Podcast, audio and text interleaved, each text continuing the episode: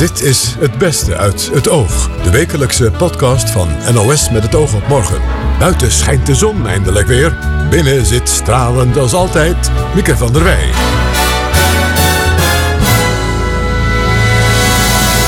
Ja, zo is het maar net. Buiten schijnt de zon en hier zit ik te stralen.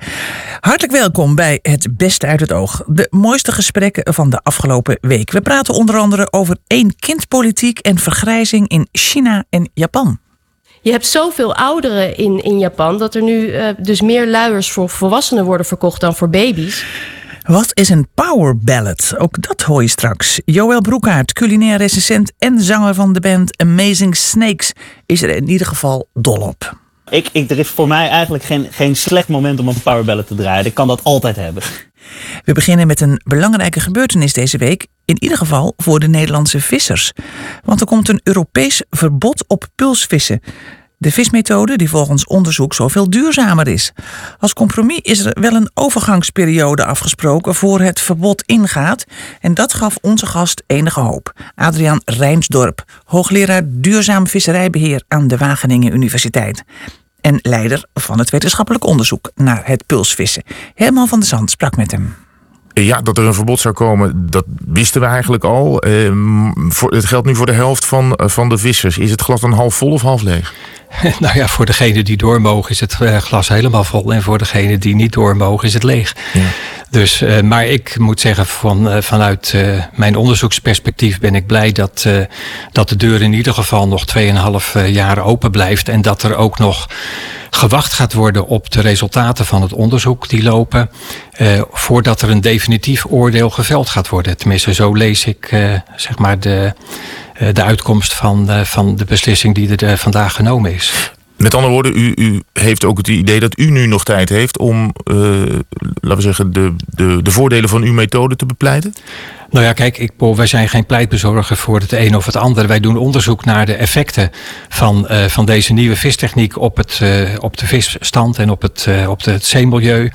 En dat onderzoek dat loopt nog. En ja. we hebben vorig jaar vanwege de Europarlementbeslissing om direct te stoppen met pulsvisserij, hebben we al een tussenstand van zaken opgemaakt. Want wat natuurlijk belangrijk is, is dat niet alleen Nederland onderzoek doet en daar dan over naar de buitenwereld communiceert, maar dat er een onafhankelijk uh, gecontroleerd advies ligt van uh, de Internationale Raad voor Onderzoek van de Zee. Want ik bedoel, dat is het orgaan in Kopenhagen waarin alle Atlantische ja. landen, he, van Amerika tot, uh, tot alle Europese landen aan deelnemen. En die geven met elkaar advies over visserijvraagstukken. En de onderzoekers van al die landen die werken daarin samen. En we hebben dus vorig jaar als experts een rapport uitgebracht die de vergelijking maakte van de stand van de, dus de stand van zaken opgemaakt van de kennis van wat zijn de voordelen, wat zijn de nadelen van de nieuwe techniek, van de oude techniek. En daar kwam een positief ja. tussenadvies uit van dat uh, de duurzaamheid uh, gediend is met deze innovatieve manier. Ja, u... Maar er blijven nog een aantal vragen over en ik, dat ja. gaan we dus nu, uh, nu afronden. Want u, want u heeft al eerder in het oog verteld, hè, u, bent zelf wel overtuigd van de vismethode, het is duurzamer, het is veel milieuvriendelijker. Wat, wat is er dan nu nog over om te onderzoeken? Nou ja, er liggen nog een enorme hoeveelheid vragen die zeg maar in het, uh, de, de, de interactie tussen, uh, tussen onderzoekers en tussen het Nederlandse visserijbedrijfsleven en de Nederlandse overheid met de landen om ons heen, met de verschillende belanghebbenden.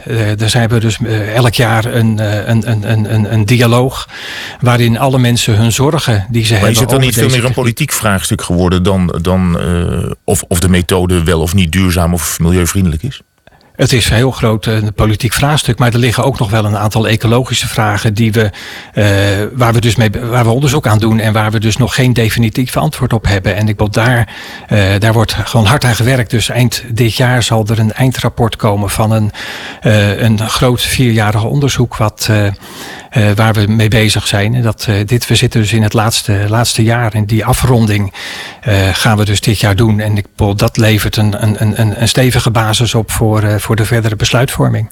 Er is bijvoorbeeld een Franse milieuorganisatie die is blij dat het pulsvissen uh, gaat stoppen. Die zegt juist, ja, het is helemaal niet milieuvriendelijk. Het, het, is een ecologische ramp. ze hebben allerlei tegenargumenten. Waarom is, als, als het milieuvriendelijker is en duurzamer is, een milieuorganisatie tegen? Nou ja, deze milieuorganisatie die heeft als doel om alle industriële visserijen te bestrijden. Want die vinden dat eigenlijk je alleen maar vis zou kunnen oogsten met kleine, uh, kleine bootjes die in de kustgebieden werken. En die hebben dus een, een, een zeer. Uh, ja, beperkte visie op, uh, op het, het, het gebruik van de visbestanden in de oceanen. Die uiteindelijk een hele hoop uh, kostbare eiwitten opleveren voor, uh, voor voedsel voor, voor de wereldbevolking. Dus het is eigenlijk een standpunt die betekent dat, dat als je hun zou volgen, dat, wat zullen we zeggen, 90% van de visproductie wereldwijd, dat we daarmee kunnen stoppen. Ja. Nou ja, dat, dat is gewoon natuurlijk niet erg. En ze beginnen bij het pulsvissen. om, en de, en de pulsvisserij is een gemakkelijke om, uh, om uh, aan te schieten. Stel nu, uh, we moeten uiteindelijk toch stoppen met het pulsvissen. Zijn er dan alweer andere methodes in de maak om, om, om slimmer, handiger, duurzamer aan vis te komen?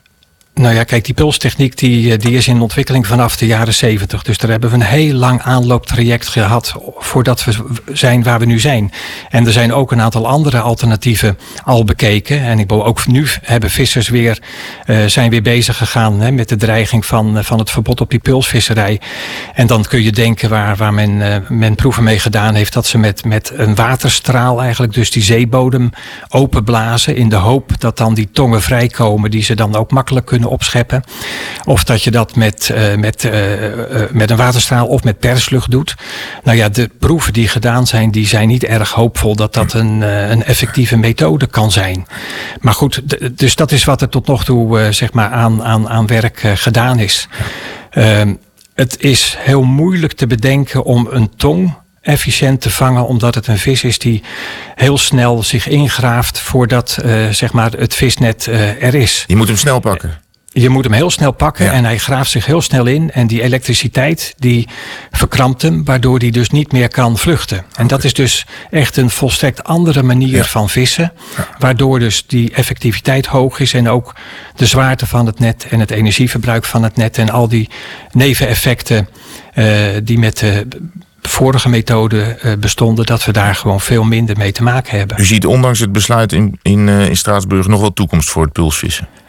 Ik, uh, ik ben hoopvol van dat wij in staat zijn om een, uh, om een heel duidelijk uh, rapport neer te leggen van heel diepgravend, fundamenteel onderzoek wat de toets der kritiek kan, kan doorstaan.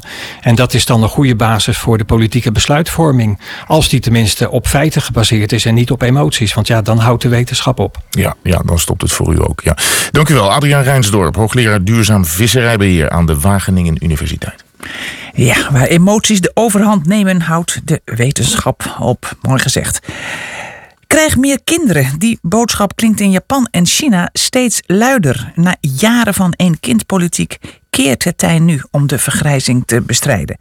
Kees Grimbergen had Manja Koetse te gast. Zij is Japanoloog en sinoloog. En hij vroeg haar of deze oproep nou echt leeft onder de bevolking. Ja, het is een heel hot topic. Uh, ik volg dan ook heel veel de sociale media, uh, zowel in China en uh, Japan, die gebruiken ook Twitter. En dit zijn zeker dingen die veel besproken worden. En deze week waren Japanners vooral heel erg boos op de minister van Financiën, Taro, Taro Aso. En die zei van, nou neem zelf dan kinderen, want het bleek dus dat hij zelf nog niet eens kinderen had, maar wel vrouwen kwalijk nam dat zij geen kinderen hadden. Um, en in China zie je dat deze week met het Chinees nieuwjaar vooral dat er heel erg, veel druk ligt op uh, vrouwen. Ongeveer uh, 80% van de single vrouwen boven de 24 voelt zich zwaar onder druk gezet door de familie om te trouwen en snel kinderen te krijgen. Ja, er was zeker in China een tijd één kind politiek. Er was een geboortepolitiek die daar werd gevoerd. Wat is er gebeurd in China dat die, die geboortepolitiek zo is omgeslagen naar nu neem meer kinderen? Ja, nou ja, dat moet wel met de vergrijzing. Uh, China is een van de landen ter wereld die het allersnelst aan het vergrijzen is. Uh, Japan is al een van de werelds meest vergrijsde landen. En sinds, sinds 2016 is nu de tweekindpolitiek ingevoerd. Alleen wat zo opmerkelijk is, is dat het helemaal niet zoveel teweeg heeft gebracht. Er werden in 2017 nog minder baby's geboren dan het jaar ervoor. Dus wat blijkt nu is dat mensen hebben eigenlijk helemaal geen zin om een tweede kind te hebben. En dat komt ook door die één-kind-politiek. Want daardoor is de rol van vrouwen in China enorm verbeterd. Uh, waar mensen eerder veel meer investeerden in hun zonen, moesten ze nu wel, als ze alleen één dochter hadden, juist investeren in die dochters. Dus wat je nu ziet, is dat je een golf hebt aan vrouwen die enorm ambitieus zijn, hoog opgeleid zijn en hun carrière boven het gezinsleven verkiezen. Ja, en die drang is zo sterk dat de overheid uh, deze dames, deze vrouwen, maar ook de mannen, deze stellen, wijst op het feit dat ze een verantwoordelijkheid hebben. Ja. En komt die boodschap dan aan bij de mensen? Ja, maar goed, uiteindelijk het is toch hun leven. En wat je ziet uh, op de, vooral op de Chinese sociale media... is dat mensen boos zijn. En dan heb ik het vooral over vrouwen... die zeggen van, wij zijn geen broedmachines... en wij zijn baas in eigen buik. Je kan niet eerst tegen ons zeggen... Uh, als je een tweede zwangerschap uh, hebt... dan he, moet het geaborteerd worden... wat eigenlijk een aantal jaren geleden nog gebeurde. En nu opeens zeggen, je moet niet alleen één kind... je moet ook een tweede kind.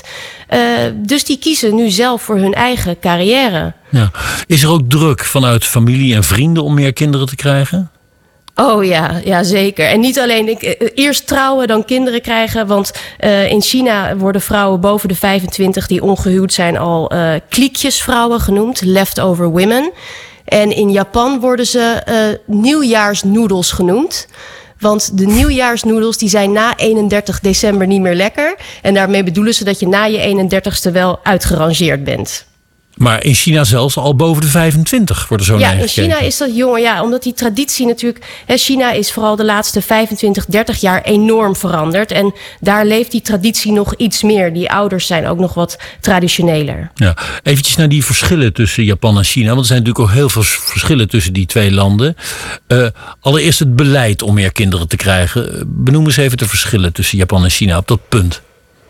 Uh, nou ja, je ziet in uh, China ten eerste dat er vanuit de staatsmedia heel erg opgeroepen wordt uh, voor mensen om hun verantwoordelijkheid te nemen. Een, voorbeeldje, de, de Vrouwenfederatie van China heeft een tijdje geleden gezegd dat vrouwen vooral minder ambitieus moeten zijn en eerder moeten gaan trouwen en kinderen krijgen.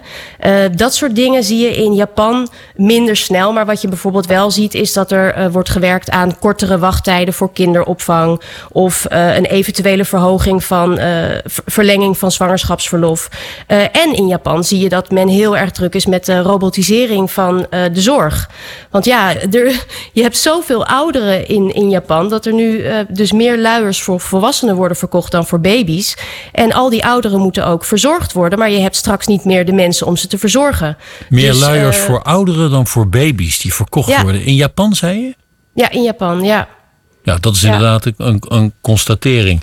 De, uh, je hebt het over de robotisering. De robotisering is nu juist in gang gezet bij dat lage kinderaantal. Toch? Ja, dat klopt. Maar de, ik heb het over die robotisering, uh, omdat er dus niet genoeg mensen zijn. Uh, volgend jaar, of sorry, ja, 2020 verwacht Japan een tekort aan 380.000 mensen in de zorg. Zo'n zwaar tekort aan mensen in de zorg. Uh, dus wat bijvoorbeeld Panasonic nu doet, is dat je een bed hebt die ook een rolstoel kan worden. Of dat je een, robotje hebt in de vorm van een hondje die ook met ouderen kan praten en kan signaleren wanneer er iets mis is met ze. Dus dat moet straks dat gat opvangen voor Hè, wanneer in, in 2040, geloof ik, 40% van de Japanse bevolking boven de 65 is. Ja. Heb jij Japanse vri jonge vrienden onder de 30? Uh, ja, ja, ik ben. En merk je dat het bij hen ook het gesprek van de dag is? Nou, ik moet eerlijk zeggen, ik heb zelf in Japan gewoond op het uh, platteland. Ik heb daar een stukje middelbare school gedaan. En die, mijn vriendinnen daar zijn nog wel erg traditioneel. In die zin dat ze eerst wel een carrière najagen.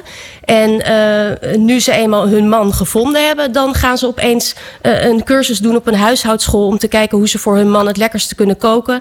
En nu blijven ze thuis en zorgen ze voor een kind. Dus uh, dat is echt wel heel anders dan mijn vrienden in China bijvoorbeeld, die ik zie die echt hun eigen bedrijven op, oprichten en ja, toch veel ambitieuzer zijn. Ja, en je zegt net, ze zorgen dan voor hun kind.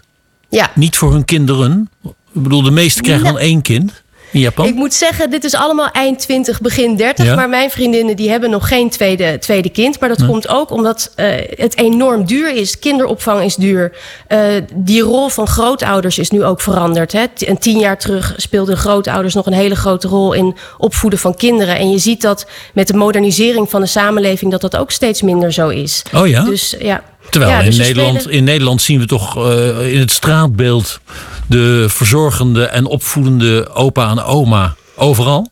Ja, maar wij wonen niet samen, al- over het algemeen samen met onze oma's en opa's. En dat was in Japan en China eigenlijk heel gebruikelijk dat je drie generaties onder één dak had. Eh, en dat eh, neemt nu met die verstedelijking en de, de huisprijzen die stijgen, eh, ja, neemt dat enorm af. Vinicius Junior staat niet alleen bekend als wonderkind van het Braziliaanse voetbal, hij staat ook symbool voor een typisch Braziliaans fenomeen. Alle goede spelers verdwijnen naar het buitenland. Ineke Holtwijk, oud-correspondent in Brazilië, legde aan Wilfried de Jong uit wat dit met het land doet.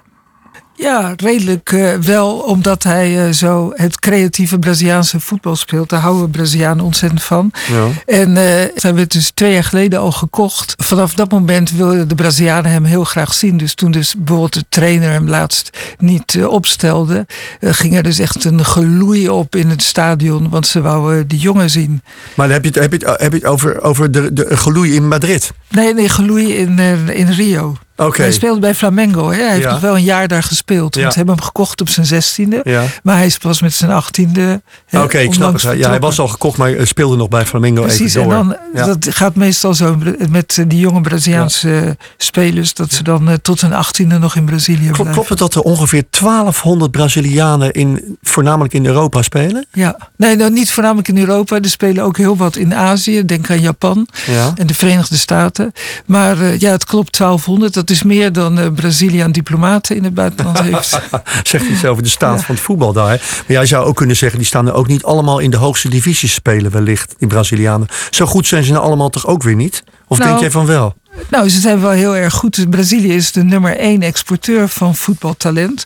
En als je dan kijkt naar de grote transfers van eh, het afgelopen jaar, dan de 18 grote, er zitten negen Brazilianen bij. Maar kijk, die, die 1200. Ik heb ook eh, speciaal voor het programma nog even gekeken naar de cijfers van de Braziliaanse voetbalbond. En die vertelt dan in 2000, 2018, de eerste maanden, zijn er 270 spelers naar eh, verkocht. Zeg maar, dat wordt in Brazilië heel goed bijgehouden, zelfs door de centrale bank. Ja. Hè, want dat levert heel veel geld op.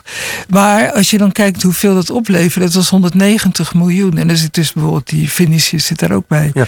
Is er dan niet het verdriet in Brazilië dat, dat al die goede spelers, we klagen er in Nederland al over, hè, dat, dat mensen als Frenkie de Jong, voetballers als Frenkie de Jong al, alweer opkrassen naar het buitenland. Hebben ze dat in Brazilië niet extra? Want dat is al lang zo, hè, dat Brazilianen Ja. vertrekken vroeg. Ja, daar heb je helemaal gelijk. En dat is al sinds de jaren negentig. Denk aan Romario, Ronaldo. En toen begon het allemaal al. Ja, dat vinden Brazilianen heel erg. En je ziet dat ook eh, terug op de, in de stadions. Hè. Want bijvoorbeeld Flamengo is dus een, een, eh, de populairste voetbalclub in Brazilië. Zelf zeggen ze dat ze 30 miljoen eh, fans hebben. Ja. Maar op een doorsnee wedstrijd zitten daar misschien eh, 4000 man in de En hebben we het over Rio, over een stad waar toch behoorlijk wat mensen wonen, 8 z'n zachtst miljoen gezegd. mensen. Ja, precies. Ja. Dus dat is er relatief heel erg weinig. En dat komt ook omdat ik, moet ik erbij zetten, omdat de kaartjes duur zijn. Hè? Dat is toch gauw 35 euro omgerekend. Ja. Dus dat is, dat is een eh, enorm bedrag als je niet meer dan, eh zeg eens wat, 200 verdient in de maand. En, en hoe, hoe werkt het nou voor die speler? Dit, dit jongetje in dit geval, die we, die, die we waarschijnlijk morgen eh, gaan zien in het elfte van Real. Die is 16, dan is hij 18, dan gaat hij naar, naar, naar Madrid. Eh, is die onmiddellijk steenrijk? Doet de manager het werk? Doet de familie het werk? Hoe, hoe werkt dat financieel als zaak, zakelijk, zou ik maar zeggen? Ja, meestal hangt, hangt daar een cluster van mensen omheen. Hè? Want hij is natuurlijk al heel vroeg ontdekt. Want vandaag staat bijvoorbeeld in de Volkskrant ook eh eh Pieter Vissers, een bekende, de bekendste scout Ja. in Nederland. Die had hem op zijn veertiende, toen hij veertien was, al gezien. Dus eh, daar hangen altijd allerlei mensen omheen. En die dus ook mee verdienen. Dus in principe krijgt de club zo 80 procent van uh, de transfersom. En dan de speler zelf 10% en zo'n uh, makelaar ook nog 10%. Maar die verdeelt dat misschien wel weer met anderen. En de club moet misschien ook wel wat.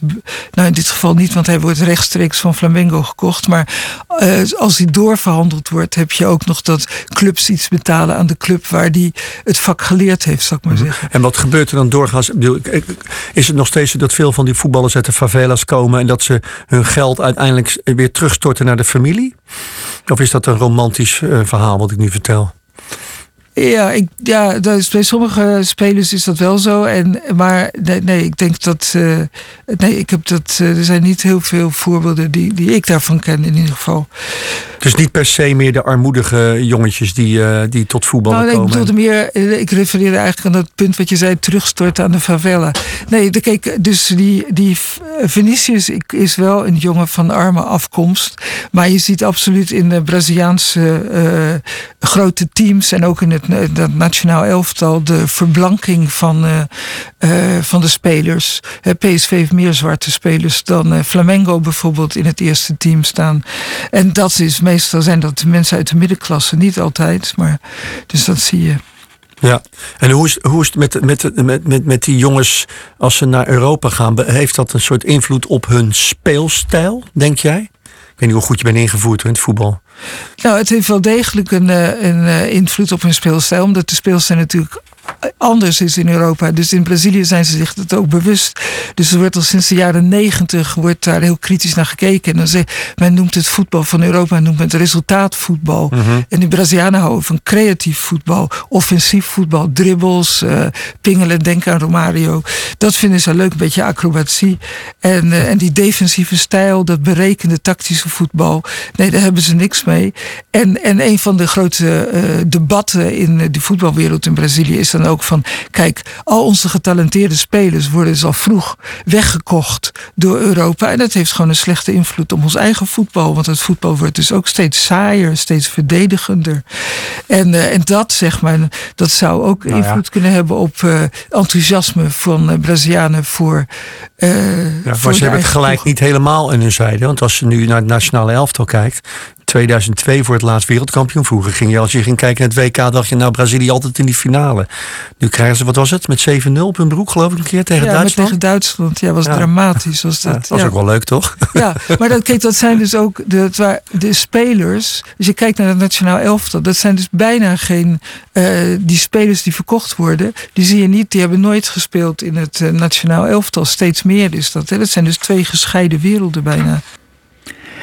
De curvy women van Oeganda, zeg maar de vrouwen met flinke rondingen, moeten meer toeristen naar het Afrikaanse land trekken. Dat is de gedachte van de Oegandese minister van Toerisme, die een Miss Curvy Oeganda schoonheidswedstrijd heeft gelanceerd.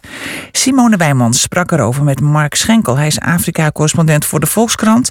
En met de Oegandese Irene Luzinda. Zij vindt de campagne onacceptabel. Nou, voor mij was echt een ja, hele grote schrik. Ik ben geschrokken, want ja, je kan mensen niet als toeristenattracties gebruiken. Mens, dieren kunnen wel, maar mensen niet. Waarom niet? Ik vind dat je wel respect voor mensen moet hebben. En vooral die vrouwen met rondingen. Want ja, je gaat dat echt niet als een goede beeld geven. Dat is echt geen gezicht voor een land. Als je het echt beter wil verwoorden, hij, hij had het anders kunnen verwoorden. Hoe? Wat had hij dan moeten zeggen? Hij kon wel die vrouwen mooi laten aankleden, want we hebben verschillende culturen in Oeganda. Dat hij beter, dat had hij beter kunnen gebruiken van kom even naar Oeganda. We, zijn, we hebben verschillende culturen. Jullie hebben, kunnen het zien bij die vrouwen. Ze hebben verschillende kleren aan, maar niet hun billen en hun heupen. Dan geef je een uh, verkeerde beeld aan de wereld. Ja, Mark uh, Schenkel, er is in Oeganda, ik zei het al, veel kritiek opgekomen. Uit welke hoek? Uh, in eerste instantie uit hoek van, ik denk dat je kunt zeggen, jonge, wat meer dan gemiddeld opgeleide vrouwen in de hoofdstad Kampala met toegang tot social media, die langs die weg heel snel hun kritiek kunnen, kunnen, kunnen uiten en kunnen delen met anderen op, op, eh, op platforms waar, waar andere mensen ook in het buitenland kunnen meelezen. Daar was de teneur ook, eh, dit is seksistisch, ehm, vrouwenlichamen worden hier eh, ingezet ehm, en, en, en dit is niet goed en we ageren hier tegen. Ja, en het zijn dus vooral vrouwen. We hoorden net ook Irene Luzina die zegt ja, je kunt vrouwen die niet op die manier in de verkoop zetten. Maar zijn er ook andere mensen, mannen bijvoorbeeld, die zeggen dit kan niet? Ja, eh, die is er, die kritiek. Eén man aan wie ik dan moet denken uh, is Simon Lokodo. Dat is de minister van Ethiek in Oeganda. Uh, Oeganda heeft een speciale minister die de ethiek moet bewaren, de moraal. En zijn kritiek zegt misschien ook iets over Oeganda als een land waar nou, in sommige delen van de samenleving nog wel conservatieve behoudende opvattingen bestaan. Deze Simon Lokodo is tegen curvy women als toeristische attractie. Maar dat is misschien omdat hij tegen alle uitingen van vrouwelijke sensualiteit is. Zo was hij zelf in 2014 in het nieuws omdat hij een wetsvoorstel wilde indienen dat de minirok zou verbieden. Dat volgens hem ook niet goed. Dus ja, van deze man komt er kritiek nu op zijn collega bij toerisme. Maar niet per se om redenen die je kunt omschrijven als opkomen voor vrouwenrechten, denk ik. Ja, dus heeft veel meer met conservatisme inderdaad eh, te maken. Nou zag ik dat sommige vrouwen boos zijn omdat hun foto is gebruikt voor die campagne. En ze zeggen dat ze daar geen toestemming voor hadden gegeven. En ik begreep dat een van die vrouwen niet eens uit Oeganda komt, hè? Waar komt zij vandaan, Irene? Ik denk Zuid-Afrika. Die naam is echt geen Oost-Afrikaans. Ja, ik begreep Kenia wellicht, dat dat ook nog een optie is. Kenia is Oost-Afrika, maar als ik naar die naam kijk, het, het is niet echt, echt uh, Oost-Afrikaans. Dus dat is ook nog wel uh, ja. vreemd, dat ze een vrouw gebruiken die niet eens uit Oeganda komt. Precies. Die dan eventueel ambassadeur zou moeten worden. Ja. ja, je gaf net al aan van ze moeten Oeganda op een hele andere manier verkopen. Hoe zouden ze dat moeten doen? Kun je daar nog iets meer over zeggen? Kijk, uh, vrouwen zijn op zich echt zijn makkelijk om te gebruiken voor dat soort dingen. Uh, we hebben verschillende culturen. Ik kom ja, zelf uit een, uh, ik ben Muganda, dat is een van de grootste stammen. Maar we hebben verschillende stammen in Oeganda. En elke stam heeft zijn eigen ding. Hij kon gewoon Wat heeft jouw stam bijvoorbeeld? Mijn wat stam, mooi is? Uh, onze kleerdracht is echt mooi. Echt, uh, je moet je gewoon netjes aankleden. Dan krijg je meer respect van, uh, van die andere mensen. En uh, ja, het eten natuurlijk. Maar het feit dat het ook in de stad is. Ja. Het is gewoon een van de grootste stammen in Oeganda. Maar er zijn ook andere stammen die heel erg mooi zijn. En die ook andere dingen hebben. Dus dat kon hij gewoon gebruiken. Die klerendrachten van die uh, stammen. Hun eten, want dat is ook echt een toeristische uh, attractie. We hebben andere eten in Oeganda. Maar wat, wat eten jullie dan? Wat is nou, waarom zou ik naar Oeganda moeten komen voor het eten? Kijk, wij koken anders.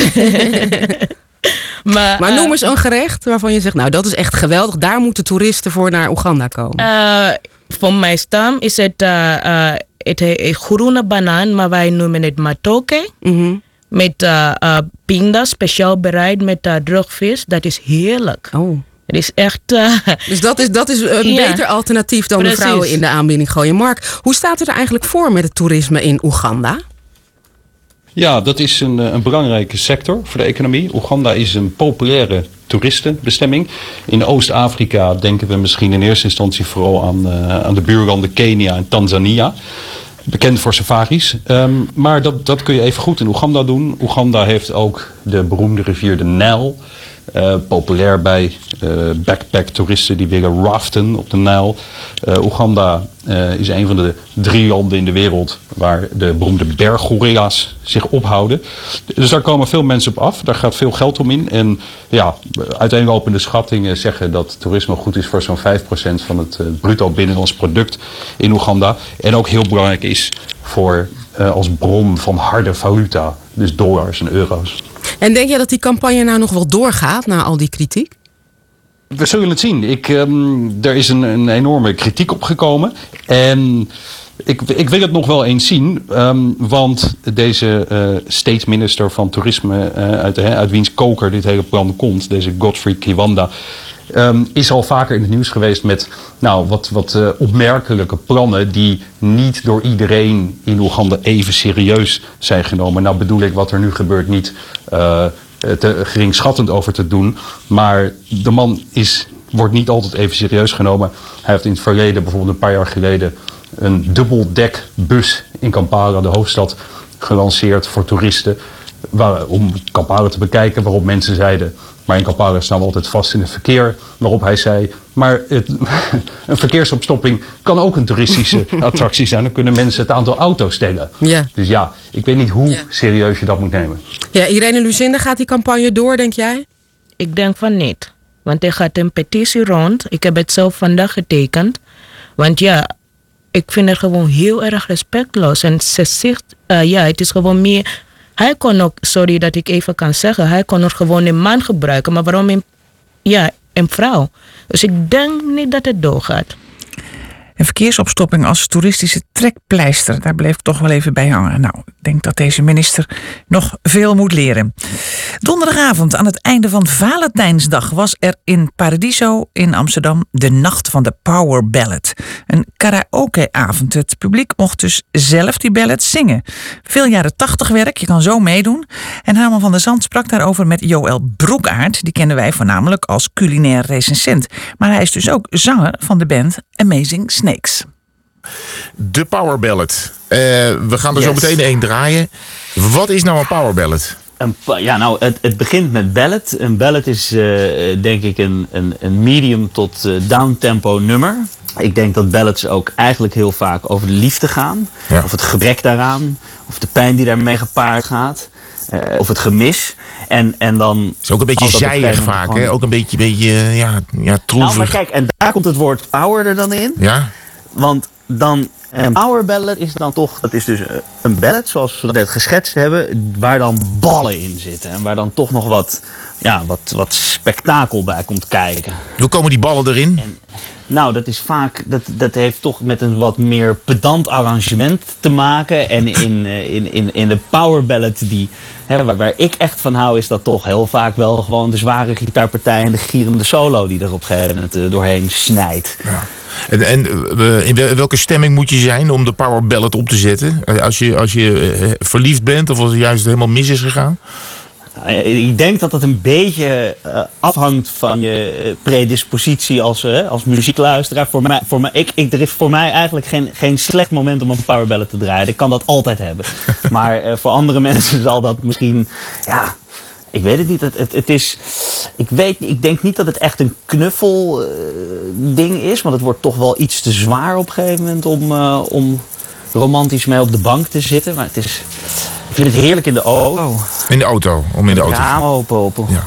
Ja. Want, want eh, ik, zit door jullie, ik, ik heb jullie playlist eh, toegestuurd gekregen. Er zitten een aantal dingen bij waarvan ik denk, ja, dat zijn eh, hard met Alone. Dat, is, dat lijkt me Ja, echt. fantastisch. dat, is- dat is echt een, een power ballad nummer. Total Eclipse of the Heart ja, ook. Bonnie Ja, Tyler. dat, dat is denk ik misschien wel de oer power ballad. Ja. Ik bedoel, daar komt, wel, dat heeft alles wat, wat het nodig heeft. Er zit, er, zit een, eh, er zit opbouw in. Het begint met een heel, heel rustig pianootje. En, en die raspende stem van Bolly Tyler... Dat, die gaat op een gegeven moment gewoon nog een keer over de nek. En nog een keer over de nek. maar En help mij dan even zelfs- bij, bij ACDC en You Shook Me All Night Long.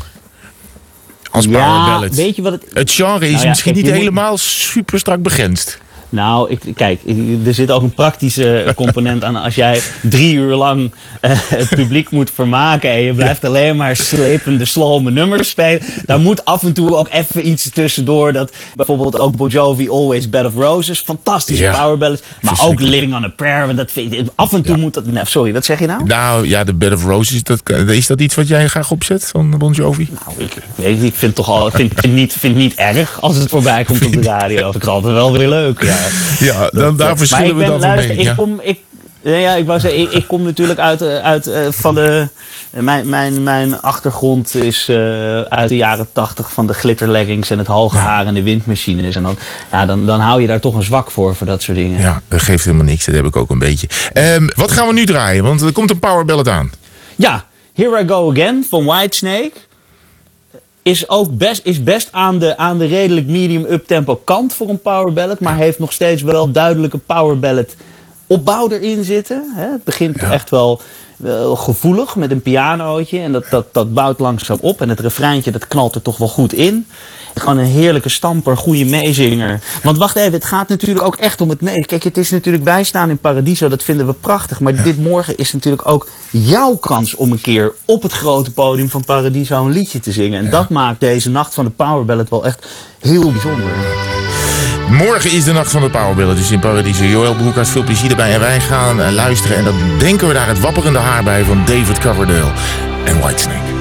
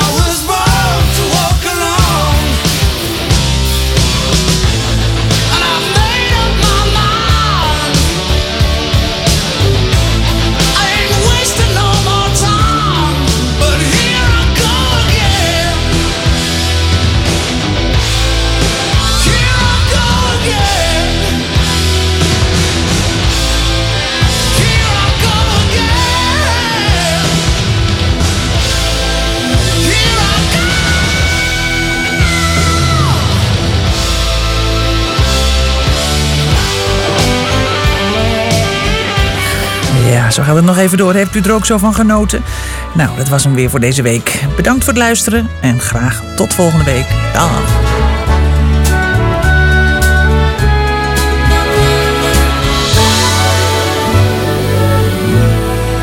Gute Nacht, Freunde. Es wird Zeit für mich zu gehen. Was ich noch zu sagen hätte, dauert eine Zigarette ein letztes Glas im Stehen.